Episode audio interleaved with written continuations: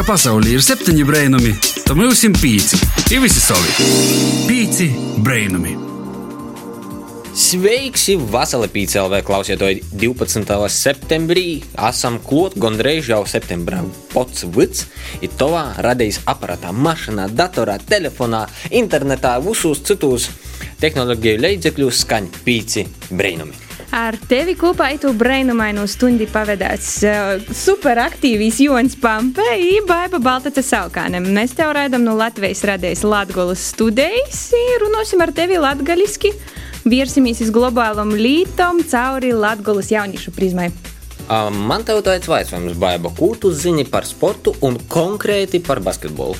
Ziņās neesmu tas sportiskākais cilvēks, kam baicot, bet munā sātā Latvijas izlases spēļas, tīk vārtus iz lielo ekrāna, un munim ģimenes locekļiem tiek izdalīti krekli ar uzrakstu Mūsu zeme Latvija. Tā kā... bet, bet tas ir uz visam Latvijas izlasēm vai tikai uz kādu konkrētu piemēru? Nē, tieši uz basketbolu. Tieši uz basketbolu. Jā, jā, jā. Tas sporta veids munā sātā ir cīņā, tāpēc gribādama, negribādama, es par jū drusceņu zinu. Jā, drusceņu. Nu, labi, varam uztaisīt mazu Viktorīnu, bet tas laikam būs citu reizi. Tad nu, noskaidrosim, cik daudz citi jaunieši zina par basketbolu. Noskaidrosim rubrikā Pīci Brēnumi vaicoja atbildes. Pīci Brēnumi meklē atbildi. Basavi, mani sauc Ralfs. Es šodien īšu zīlam jautāt jauniešiem par basketbolu. Es esmu kopā ar Raivo, kopā ar Mariju, ar Elīzi, kopā ar Elīnu. Pirmais jautājums ir tāds: Kādi, tavuprāt, ir Latvijas populārākie sporta veidi? Futbols un basketbols. Futbols, basketbols, hokejs. Hokejs, futbols un basketbols. Ļoti jauki. Manuprāt, Latvijas lokī sporti noteikti ir hokejs un basketbols. Par to, ka vēsture roda ir šobrīd arī, ka tieši tī visam ir abas lielākās zvaigznes. Jaunākie, lielākie talanti, kuri nākotnē noteikti var daudz ko sasniegt, parādīt to, ka Latvija var. Um, Nākamais jautājums ir tāds: Kādus latgaļus basketbolistus tu zini? Manuprāt, Uljāna Simjonova ir no Latgales. Dzīvojusi netālu Daugavpils novadā. Rihards Tērumnieks un Kristaps Arbidāns, kas šobrīd spēlē Itālijā. Kristaps Porzingis. Un tas, laikam, arī viss, ko es pazīstu. Manuprāt, labākie, zināmākie latgaļas basketbolisti noteikti ir Jānis Timma un Žanis Peiners. I, bet ir arī daudzi tādi jaunieši, kas šobrīd ļoti ir daudz ko sasnieguši. Jau ja es domāju, ka nākotnē būs ļoti daudz no latgaļas puses augstu sasniegušu basketbolistu. I, trešais pēdējais jautājums tev ir tāds. Kā tu domā, cik garš ir Kristaps Porzingis? Drusku garāks par diviem metriem. Nu, varbūt 2 metri un 20 centimetri. Manuprāt, viņš bija 2 metri 20 centimetri. 2,25. Kristaps Porzingis ir 2 metrus un 21 centimetru garš. Ar jums bija Ralfs. Paldies, ka klausījāties. Pīci Brēnumi meklē atbildi. Pīci Brēnumi. Kurš no Latvijas profesionāliem basketbolistiem šodien bijis mūsu gosts studijā? Pīci Brēnumi. Esam atpakaļ Latvijas studijā, Pīci Brēnumi, Baiva Joņs. I mums studijā ir pievienojis viens no nedaudziem latviešu profesionāliem basketbolistiem. Viņš ir spēlējis Eiropas klubos, arī Latvijas basketbola izlasī. Dāmas un kungi, šodien par drusmi pīlais klaides runāsim ar basketbolistu Žani Peineru. Sveiki, sveiki! Jā, nu, sporta asociācijas ne tikai uzvarām, panākumiem, bet arī ar zaudējumiem un arī ar traumām. Žani, sportā cik viegli ir pieņemt kaut kādu pīlaistu kļūdu, teiksim, spēles laukumā? Nu, pierod, es domāju, tas tā bērnībā varbūt vairāk tur jāķerās aiz galvas, tur liekas, ka viss kaut kāda baigot tur, bet, nu, pēc tam jau tu saproti, ka kļūdās visi, kļūdās labākie spēlētāji pasaulē, un viņiem tās kļūdas maksā daudz dārgāk, un ko tam mēs tur spēlējam un spēlējam, nu, tad var tā visu viegli uztvert un īpaši nepārdzīvot. Es domāju, tagad ar gadiem jau jau katru epizodi, pat kad tu zini, ka treneris bļaus un tu zini, ka uh, tu esi kaut ko sliktu izdarījis, bet saproti, ka tu tā darīt negribēji. Tā ir daļa no sporta. Nu, visiem mums gadās kaut kur bumba iekrīt, neiekrīt, grozā izslīd. Un tā, tā par tādām kļūdām es baigi nepārdzīvoju. Gadās kļūdas, kad varbūt pats varēja to ietekmēt. Nu, tiešām, ka tur kaut ko aizmirsi, kas bija paredzēts izdarīt, vai kaut kas tāds. Nu, no tādām kļūdām gan jāmēģina izvairīties. Nu, tādām, kuras tu vari ietekmēt, bet kuras nevar ietekmēt dzīvē, tādu ir ļoti daudz, par tām nav jāstraucās. Un kā ir ar uh, traumām? Es saprotu, arī tev pašam iepriekšējā sezonā bija joportrauc traumu dēļ arī daudziem mūsu slaveniem uh, basketbolistiem, arī porziņģiem, pieņemsim, veselu sezonu palaista garam. Kā ir ar to vispār sazamīrinoties, ka tu nu, attēmi Mulānu komandas darba? Jā, nu, man jā, pirmo reizi laikam tā pavisam maniem, cik jau tie desmit gadiem ir gadījies, kad man jāizlaiž tāda salīdzinoši liela daļa no sezonas. Bet nu, neko nevar darīt. Tā arī ir daļa no sporta. Un, principā, nu, ja tu neko neesi darījis, lai to novērstu, tur varbūt nepareizi ēdis, tur neesi iesildījies un neesi izgājis kaut kādas fizioterapijas un tā tālāk. Un tad tev kaut kas tāds gadās, tad tu varbūt vari vainot sevi. Bet nu, manā gadījumā es kā, tā, tādas traumas, kas man gadījās, es biju strādājis un uz to. Un tā, varbūt tas tāds vairāk jau tas, ka man tomēr tagad 30 gadi kaut kādas jau skrimšļi kaut kur bija nolietojušies, ir, ar to vajadzēja. Tagad bija viņa pielaboja to visu pavasaru, vēl, vēl tagad kā divi mēneši man jāiziet viss atlapšanas periods, un tad varēšu arī pievienoties. Tā kā es domāju, nekas traks tas nav, daudz caur to iziet. Es varbūt biju tāds, kas līdz tam ar to nebija sastapies. Tagad pienāca mana kārta, tā kā viss kārtībā. Bet, teiksim, ko basketbolistam mums vairāk sajūt traumēt par to, ka nu, ir joskrien, loģiski. No viena grūza uz otru ir jomat bumba ar rūkam, un tas uzturos uz muguras. Jo gola jogrūza. Ko vairāk, kas vairāk sajūt traumēt, teiksim, laukumā? Nu, ceļi, ceļi. Īstenībā vislielākā problēma ir ceļi, tāpēc, ka ir jāliec daudz apstāšanās virzienu maiņas, tā kā ceļi ir vislielākā problēma. Un, Tur, vat, piemēram, kā jūs teicāt, nu, porziņam, tad jā, viņam tur tās krustveida saites ieplīst. Tā ir tāda, laikam, sportā visilgākā un nopietnākā trauma. Tas, principā, ar visu atlapšanu aiziet gandrīz vai gads, no 9 līdz 12 mēnešiem. Tā kā jā, bet nu, ceļiem tagad viņam ir menisks, tas ir principā mēneša jautājums. Man bija skrimslis nedaudz jāpielabo, tas ir nosacīti trīs mēnešu jautājums. Tā kā nu, ceļi, jā, tie ir tādi vis, vis, visnopietnākās. Muguras tā retāk un mugura tāda nopietnāka. Ja tur kaut kāds uh, skrimša plīsums vai kaut kas tāds var gadīties, tad tas arī ir tāds jau nu, baigi nopietnēs jautājums. Visbiežāk viņu kaut kā var satrenēt un ar muskulatūru nostiprināt. Un, Tādu īstu traumu, kā mugura, un tu nevari spēlēt ļoti ilgi. Tāda negadās. Viņas var traucēt, bet nu, kaut kāda muguras kausa un muguras muskulatūra parasti notur to visu. Principā es teiktu, ceļi viss pārējais ir laikam tā nesvarīgi. Jā. Okay. Bet um, kā vispār uzbūvēt savu karjeru no nu, spēlēšanas basketbola kluba Ezerzeme Rāzikņā līdz ULEB Eirolīgas klubam un, un vispār uh, Latvijas izlasē un, un tādam augstiem basketbola sasniegumiem? Nē, nu skaidrs, ka tas viss jau sportā tomēr liela daļa laikam ir tas talants un kaut kādas uh, dabas dotības, ko varbūt nevar jau arī ietekmēt vairs, bet noteikti tas darījusi teiksim, tā, vienmēr biju uzcītīgs, gāju uz treniņiem, neizlaidu. Vienmēr tā kā diezgan profesionāli jau no bērnības piegāju šim visam procesam.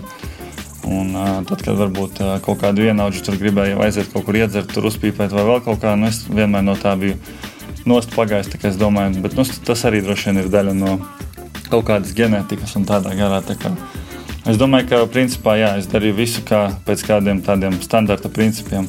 Trenēties, nelietot alkoholu, veselīgs uzturs.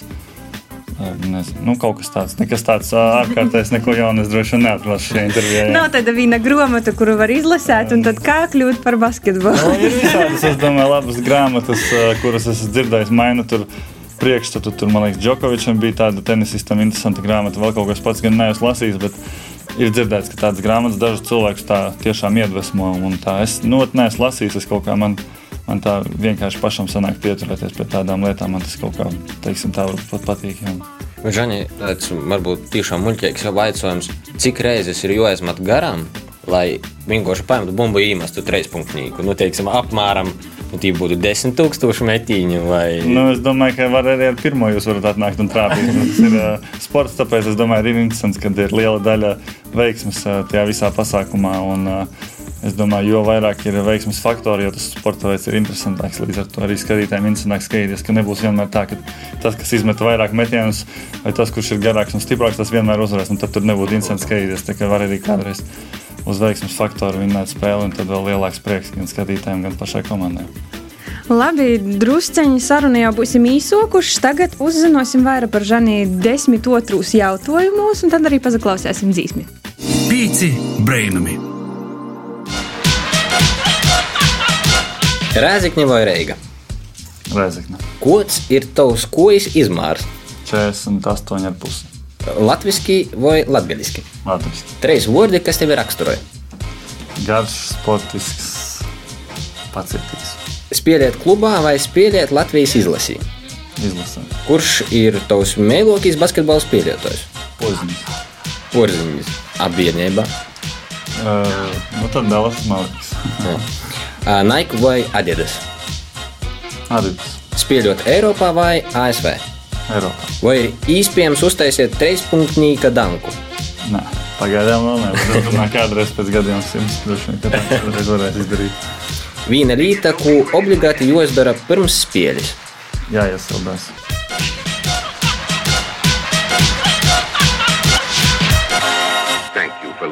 Pīci brainami!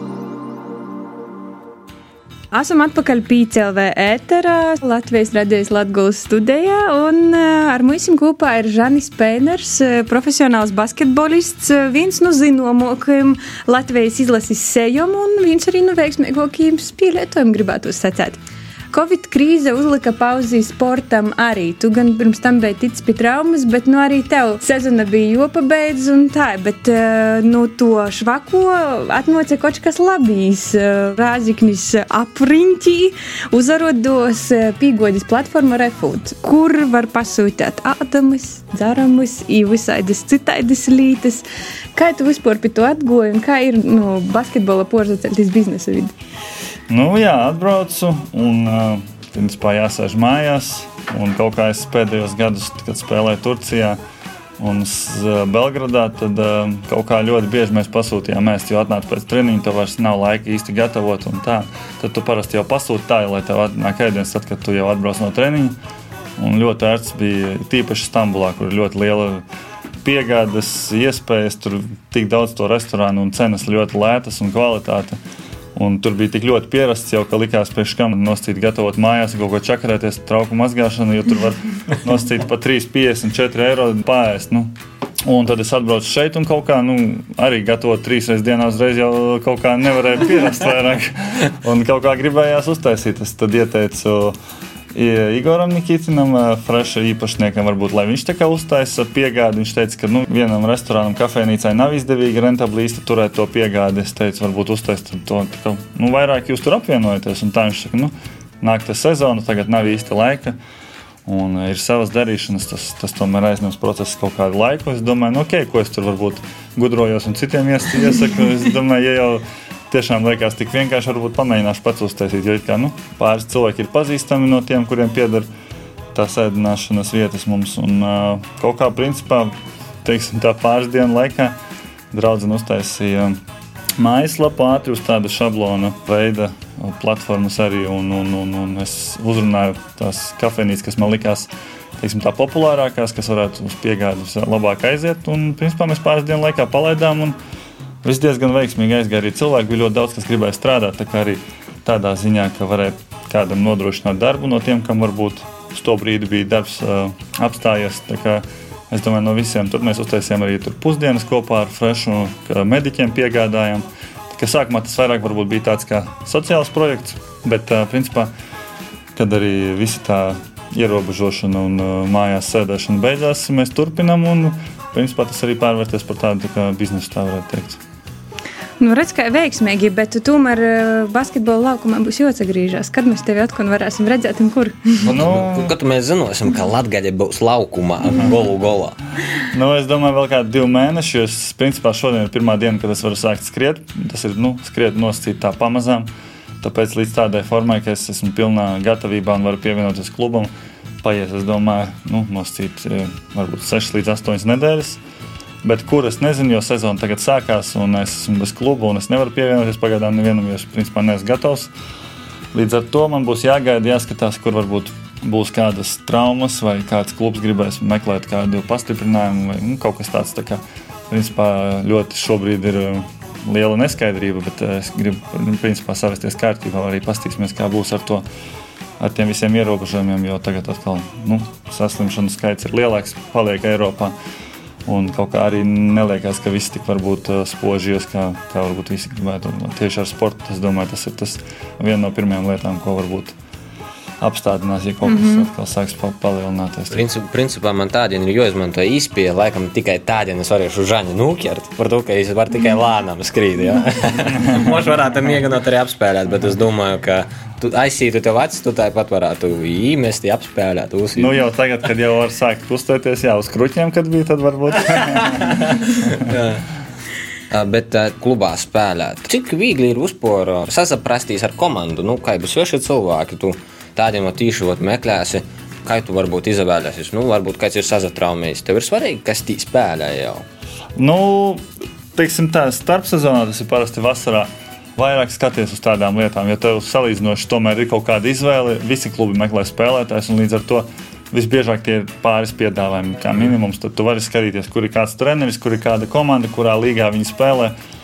Tad tu vari salikt aptuveni, kāda būs tava loma tajā komandā un tādas kaut kā izvērtēt visu. Bet, principā, tagad, div, pēc diviem mēnešiem, kad es kaut kur mēģināšu parakstīties, tad droši vien būs situācija tāda, ka nu, plus mīnus pirmais piedāvājums, kas būs aptuveni tādā varbūt līmenī, un algu līmenī un komandas līmenī. Ja, ja viss tas derēs man plus mīnus, tad es arī ņemšu tur jau nebūs tādas nianses jau tur izskatīt kā mana loma vai tur.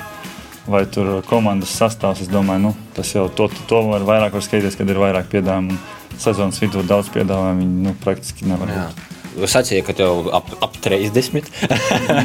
Basketbolista karjerā apmēram cik ilgi par to, ka hokeja, es zinu, nu, ka ap 40 jau tā kā ir gona. Nu jā, būs. nu basketbolā da 50 var mūžu. Nu, nē, nē, principā varbūt kādi teiksim, tā, 33, 34 laikam varētu būt tas. Bet, nu, Jānis Blūms, re, kur ā, izlases kapteinis, ir viņam tikai 8 gadi. Viņš joprojām Itālijā šogad parakstījās. Tā kā ir arī tādi, kas, kas var ilgi spēlēt. Bet tas atkarīgs arī no veselības un arī noteikti no tā līmeņa, kur var sasniegt. Jo, nu, varbūt tādā vecumā jau gluži uzreiz par, par pavisam mazām naudām arī vairs negribās jau varbūt skriet. jā. Nu, un pašā noslēgumā, varbūt eh, tev ir kaut kāds viens ieteikums, ko tu varētu pastāstīt jaunam sportistam, kurš nu, sok tikai un liekas, ka nu, nesait, un, un viss ir greizi, un ir kļūdas un zaudējumi. Varbūt tev ir kaut kas viena lieta, ko tiem varētu izcelt. Nē, nu, man arī, ja tā salīdzināt, tas ir kaut kādiem 16 gadiem, man sākās problēmas ar veselību, ar sirdi. Un, un es nevienā izlasē nevarēju tikt visu laiku dēļ veselības problēmām. It kā Visu laiku likās, ka mani ņems un grib mani ņemt, bet visu laiku es netiku nevienā izlasē jauniešu. Un jau man teica, 19 gados vispār, ka man nedrīkst vairs spēlēt basketbolu. Bet nu, kaut kā kaut kā pamazam, pamazam es tomēr kaut kā atkal atlecot soli atpakaļ, un kaut kā beigās tomēr sanāca man laikam sasniegt to, ko es gribēju, un tikt gan lielajā izlasē, gan Eirolandā uzspēlēt. Es droši vien, ka tas varētu būt galvenais ieteikums. Ja jums patīk, ja jūs redzat sevi tajā lietā kaut kādā nosacītā, ne tikai sportā, bet jebkurā citā, ja jums tas uh, sagādā prieku, es domāju, ka pat ja kaut kas nesanāk un kāds par jums ir tajā momentā labāks, ne labāks, viss mainīsies. Var mainīties vienā dienā. Viss, vienā dienā sportā mēs esam karaļi, mēs tur uzvaram daudz, iemetam nākamajā dienā. Jūs varat dabūt traumu, vai vienkārši jums būs slikta spēle, un jums jau nezinu, komandas vadība, treneris vai, vai jūsu fani teiks, ka vā, nu, nekam neder un tā tālāk. Tā kā viss ļoti vienmēr ātri mainās, un nekad nevar vienā dienā jums tādas emocijas, liekas, viss es, es tur eju prom, man apnika, es darīšu kaut ko citu. Tad vienmēr labāk tās emocijas nolikt malā, izgulēties pēc vienas, divām dienām, pēc nedēļas. Atkal paņemt to visu jautājumu, pacelāt un tad saprast, kādas jums ir tajā momentā emocijas, kad jūs esat jau tā kā viss nomierinājies. Tā kā es domāju, ka kaut kā tāds varētu būt tas ieteikums. Tikai iz priekšu un apzastot. Jā. Jā, jā. Nu, tādi bija Žaņa ieteikumi jauniem pielietojumiem sportistiem. Sacēsim jau lielu paldies par sarunu. Tad pazaklausīsim kādu dzīsmi un eh, laikam viss. Pats esi brainums. Pīci brainumi. Pasaulē ir septiņi brainumi, to mūsim pīci. Ivers ir savi. Brainamies kopā. Pīci brainumi. Pīci brēnam atpakaļ studijā kopā ar tevi Baiba un Jons. Un tādien rubrikā, kā tas strodojas Sintīja Augustova, itamā nedēļā ceļova iz Viljānu nūvodu. Tījai aizbrauca saimniecību obelisk farmu, kūtik ītī naražoja nu kaņepju svīstus, batoniņus, Elis. visu ko, un tu visu, i kā tas viss tu, tu, tu uzzinosi rubrikā, kā tas strodoja kopā ar Sintiju. Pīci brainumi. Vasarā pīcis brainumos mani sauc Sintija Augustova, i ītūnedēļ izpētēsim visu pār i ap kanepam. Esam atbraukuši iz Viļānu nūvoda obeliškam, gostos iz obelisku farm pie Andra Višņevska. Kāds vispār tas kanepis dzēvis stosts? Ir trīs kaņepju grupas. Eh, Viena no tām ir tā Indijas kaņepe, u- otra grupa ir sējas kaņepes, tas ir tas, ko mēs kultivējam. Tā trešā ir eh, savvaļas kaņepe. Cik ilgā laikā nu siekleņas izaug par lielu kanepi? Tas ir arī atkarīgs no šķirnes, bet vidēji tie ir trīs mēneši. Obeliska farma audzē sējas kaņepes. Un, jā, mums otro gadu jau ir uh, pusi hektārs ar kaņepēm. Viens lauciņš mums ir sēklām, viens mums ir tējām. Cik ilgs laiks, lai saītu visu to pusi hektāru nuvok nūst? Mēs eh, parasti vācam pa daļām. Tātad pirmā, pirmais, ko mēs sākam vākt, ir tējas. Tās ir augusta beigas līdz septembra vidum beigām. Tātad to var arī novākt pa vienu mēnesi, viss ir roku darbs. Un tad otrais oktobrī mēs sākam vākt sēklas. Ko var taisīt no kanepam? Tēja, sēklas un stiebriņš, un stiebriņam ir miziņa tā ir šķiedra, tātad audums, papīrs, virves, mājas var siltināt, visam ejam cauri, buramies paši ar savām rokām, tāpēc mums ir arī skola, tāpēc ir kaņepja muzejs, lai cilvēks, kad atbrauc, tad viņš arī redz. Mēs varam aiziet arī pazaviet Jā, kaņepu lauku. Ir tik gari tie augi, man vienmēr likos, ka ir tādi līdz ceļgala, bet īmuna augumā metrs 70. Jā, tas ir arī atkarīgs no šķirnes. Šī šķirne finols ir maziņa, salīdzinoši šitas vēl nav nekas. Mums te pagājušajā gadā bija kompoltī šķirne no Ungārijas, tā bija 3,80 m. Mēs Abā. mērījām ar mērlinti. Jā, tas ir mežs tev izaug pa trīs mēnešiem. Tātad, redz, šīs te lapiņas, tās tradicionālās, jā. Tiņas. parasti bildos viss Jā, jā, tos mums nevajag. Redz, mm. -hmm. kaņep ir tāds arī rūpējās par augsni, viņa birst lejā, viņas mm. -hmm. dzeltē, sabirst zemē atpakaļ, bet mēs gribam šo te, eh, šeit eh, sēkliņas sāk eh, tā kā nobriest, un pirms mm. -hmm. viņas ir nobrieduši, viņš ir zaļš, viņš ir lipīgs, smaržīgs, tā ir tēja. smaržoja. Jā, un tas, kas smaržo, tie ir terpēni, tie ir sveķi. Smaržoja drusku pēc ūgam, iešķūgam upeņam, neskaits krustojums starp abam ūgam. Un tā labā lieta ar tēju ir tā, ka te ir tāds kanabidiols iekšā, un mm. -hmm. tas jūs pa lielam nomierinās. Un e, tad, kad šis pazudīs, mēs jau neraujam ārā visu kātu, mēs atstājam kātu, kāds visu ziemu te arī ir. Viņš izkalsts, viņš paliek tāds, viņš lūst ļoti labi, tātad viņu var viegli salauzt, šķiedra nonāk nost, un tad var no šķiedras mēs taisam papīru. Mēs. A, kā taisa papēru? Tātad visvienkāršākais mājās ir sasmalcina kaņepju šķiedru, paņem blenderīti, ielai ūdeni, sablenderē viņu putriņā, mm Mhm. -hmm. caur sietiņu brauc cauri, nospiež, iz, izkaltē un tev ir pirmais papīrs. Ja? Kā redzi, jā, te ir viena pie otras, eh, tas arī ir ar mērķi, ka viņas ir sasētas biezi, lai viņām nerodās zari, apraujam šīs te lapiņas nost, un tad raujam, visi noplūcam nost, maisā iekšā, kaltē iekšā. Mm. A, tu sieji ar rūkam? Jā, tad mēs nokultivējam zemi, sabaram sēklas un ar recešām pārbraucam visam pāri un Mhm, viss mhm. droši dzer Nu, tēju. garšosim čaju. Tēja ir izteikti asa pēcgarša. Mhm, jūtās drusceņi. Jā, jo kaņepē tēja ir antiseptiskas īpašības, Mhm. ne tikai nomierinošas. Jā, jā. Izsilda no īkšas. Jā, un es vēl nepieminēju to, ka šajās te kaņepēs nav narkotikas praktiski nemaz. Tā kā gan bērni, gan jebkurš viņu var lietot. Tā kā nekā bīstam te vispār mm. -hmm. nav. Jā. Pagaidi, tas eit, viss ir taisīts arī no kanepiem. Tā arī sīna īkšā. Jā, šitien mēs līdz aiziesim tālāk. Mūsu māja ir nosiltināta, bet šitien arī ir, nu, tā kā Mhm. paraudziņš tā nosiltinās. Tas šķirbās ir kaņepi šķiedra sabāzt iekšā, tā kā pakulis.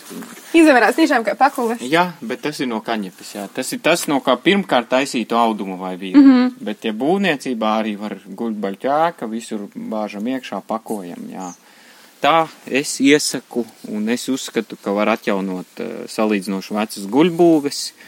Un tagad, pēc šī te, kad mēs nosiltinām māju ar kaņepju spaļiem, nu viss vēl simts gadus liekam klāt, mm. -hmm. jā, jo viss ir nopakots kārtīgi un, un silti. I tā mēs īsim muzejā, pazavērtīs, kas ir kaņepi muzejā. muzeja uzstā. Šeit mums ir pārtikas produkti salikti, uzskatām, ja, cik dažādi no šokolādes līdz enerģijas dzērienam pa vidu Opā. visam. Tur var būt tas aizdars, jā, proteīns, protams, pats par sevi eļas, tējas. Kompetes! Konfektes, jā, protams, viss kaut ko var. Te ir parfimērija, krēmi, šampūni, visur kaņepes ēkla eļļa ir iekšā, mitrinādu, ļoti vērtīga lieta, jā. Uztaisīt, te ir auduma paraugi. Mugursūma! Mugursoma, cepure, šāle, zeķes, bikses, jakas, visu var izdarīt, jā. Un uh, viss tāds. Uh, Senākais fakts ir tā grāmata arheoloģija un etnogrāfija.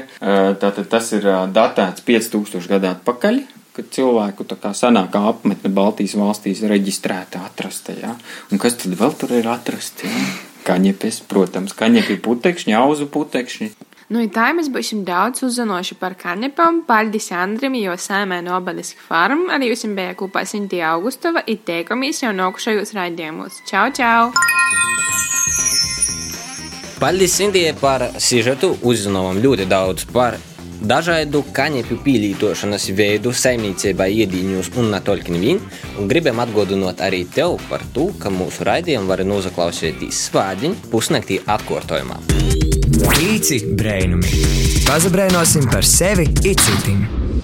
Baiba, Jons, Pīci brēnumi tikai vien. Jā, esam Latvijas radījis Latvijas studijā. i Mūsu brēnumaino stunda jau vītis savu otru golu, bet mums ir jānoskaidro, kas labs, nalabs ir noticis eh, pie mūsu Latgolā un ne tikai rubrikā, kas te notiek. Noteikti tikai labas lietas, švakos, lai paliek pagotnī, a labos tik iz priekšu. Samantā, Augusto pastostēs, kas te notiek? Kas te notiek?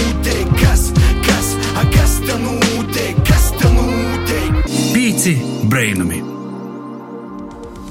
Sveiki, pīcūs brainamos! Jūs uzrunāja Samanta Kristiāna Augustova. Es jums stostīšu par jaunumiem sportā un kultūrā. 5. septembrī Rieziņas sporta porvaldis stadionā nozarasināja spēle starp Rieziņas un Reigas Jura Docenko futbola skolas Alberts komandām. Spēle bija ļoti interesanta un saspringuma pilna. Spēle beidzās ar skaitu 2-1 Rieziņas komandas lobā, kur vārtus ieguva Atširo Suzuki un Vitālijs Rečickis, bet Reigas lobā vārtus ieguva Mārcis Pūce. Robotu pilsētā Daugpilī, kultūras pilī. Pļopoja ir apskaujis ar 19 dzīviem robotiem, izbaudījis sešas virtuālos realitātes zonas, breinojis par lidojošajām hologrammām, pierādījis robotus dzīvniekus un uzskatījis tehnošovu. Tas viss no 13. līdz 27. septembrim Daugpilī. Tāpat Daugpilī 25. un 26. septembrī notiks pasaules līmeņa sacensības Speedwayā. Tūtīs tagad parunāsim par jaunumiem kultūrā. Pagājušajā sastāvdaļā notika sarunu festivāls Lampa, kur diskusija par visādām aktuālām tēmām un problēmām. Tī viena no vairāku diskusiju vadītājiem bija arī radījā dzirdēts balss Sintija Augustova, kurā vadīja diskusiju par mēdījiem mūsdienos. I viena no tos diskusijas dalībniekiem bija žurnāla Ceļš uz Latgali A12 izdevīja un redaktore Ināra Groce. Tagad arī paklausīsimies, ko jūs pašas domājat par šo festivālu. Parunāsim ar Sinti Augustovu, kuru var vēl joprojām dzirdēt arī rādio pīcis brainumus. Sinti vadīja arī vienu diskusiju lampā. Kā tu jūties pēc savas novadītos diskusijas? Um, es jūtos atvieglota. Protams, sagoja arī nelieli feili. Bet, nu, tas, man liekas, tas ir katram padrusciņai, tam visam vienkārši ir jāiziet cauri. Bet es uzskatu, ka tos bija tiešām ļoti foršas ugunskristības. I tagad varēšu zināt, kā ir kūka, kas strādāja, kā ir vispār moderēt diskusiju, kā ir darbojās lampa. Par to, ka es uh, esmu bijusi tikai kā apmeklētājs, bet tagad es arī esmu uh, bijusi kā diskusijas moderators. Bet te tiešām ir uh, ļoti forša pieredze. Vai tev vispār patīk runu festivāls? Noteikti, dēļ tam, ka lampa ir īspēja izpaust savas domas, lampa ir īspēja uzzināt citu cilvēku viedokļus, arī diskutēt par svarīgiem sabiedrībai noderīgiem un aktuāliem jautājumiem, kā arī drusciņi arī patrenēt savu savu izsacēšanos spēju. Te ir baigi forša pieredze, augsta profesionāli. Te ir uh, ļoti jauka izpēja uh, trenēt savas reaģēšanas spējas, arī trenēt savu spēju klausīties, uztvert, tikai procesēt savā prātā to informāciju, ko sanam. Tas arī ir ļoti veiksmīgi izdomāts, ka jebkurš var uzavērties itu visu škārsteiklā. Tagad runāsim ar Ināru Groci, kas piedalījās Sintīs Augustovas diskusijā. Labadīna! Kad es jums biju sajūtas runājot iz visu Latviju lampas ītvarus? Nu, es domāju, kā pozitīvus es arī uztvēru, kā īspēju pastosēt par mums, par Latgaļu, par Rāzņu, par to, ko mēs te darām, un par to, cik svarīgi tomēr regionālajie mediji. Tas ir sākumā bija mans darbs, ko esmu mocījis, tās pabeigusi žurnālistiku. Pēc tam es biju izveidojis pašu savu privātu televīzijas studiju. Un pēc tam, protams, aizgojis projām projekta vadībā, bet tas, kas man patīk žurnālistikā, nu, tas ir tas, ka tu esi vienreiz īsku īkops, tev no to grūti ir palikt orā. Tev uz laiku gribīs sazatikties ar cilvēkiem, gribīs sajust to laika dvēsmu, kas tad notiek. Jau tikai runājot ar cilvēkiem, asūtamā tādā centrā, tu sajūti, ka pasaulē uz priekšu kā jau mainos un ko mēs paši tam visā lietā varam darīt. Daudz paldies! Paldies jums! Taidi bija jaunumi sportā, un ne tikai, par kuriem interesējos es, un par kuriem gribu pastāstīt arī tev, klausietoji. Bet jūs jums šodien sakotā es, Samanta Kristiāna Augustova, iztikšanos kādā no nākušajiem raidījumiem. Paldies, Samantai! Mēs ar tevi kopā esam pavadījuši jau gandrīz veselu stundi. Ar tevi kopā bija Baiva Baltaca Saukāne, Jons Pampe, mūsu skaņu cilvēks Inns Salmiņš un Renāte Lazdiņa. Neaizmirsti, ka tev ir jānoklausās citas raidījums, ir atkārtojumā svādiņu pusnaktī vai arī populārākos podkāstu straumēšanas vīņos. Un atgādinām par mūsu sociālajiem tīkliem Facebook un Instagram, kur droši var mūsu ītagot ar hashtag pīci brēnumi vai vienkārši uzrakstīt kādu komentāru. Droši komentē, laikojam, mēs to visu sociālos tīklus gaidām. Tagad saciesim tev atā un tīkamies par nedēļu. Čau! Ko gaidi no dabasim brēnuma? Pats esi brēnums! Pīci brēnumi!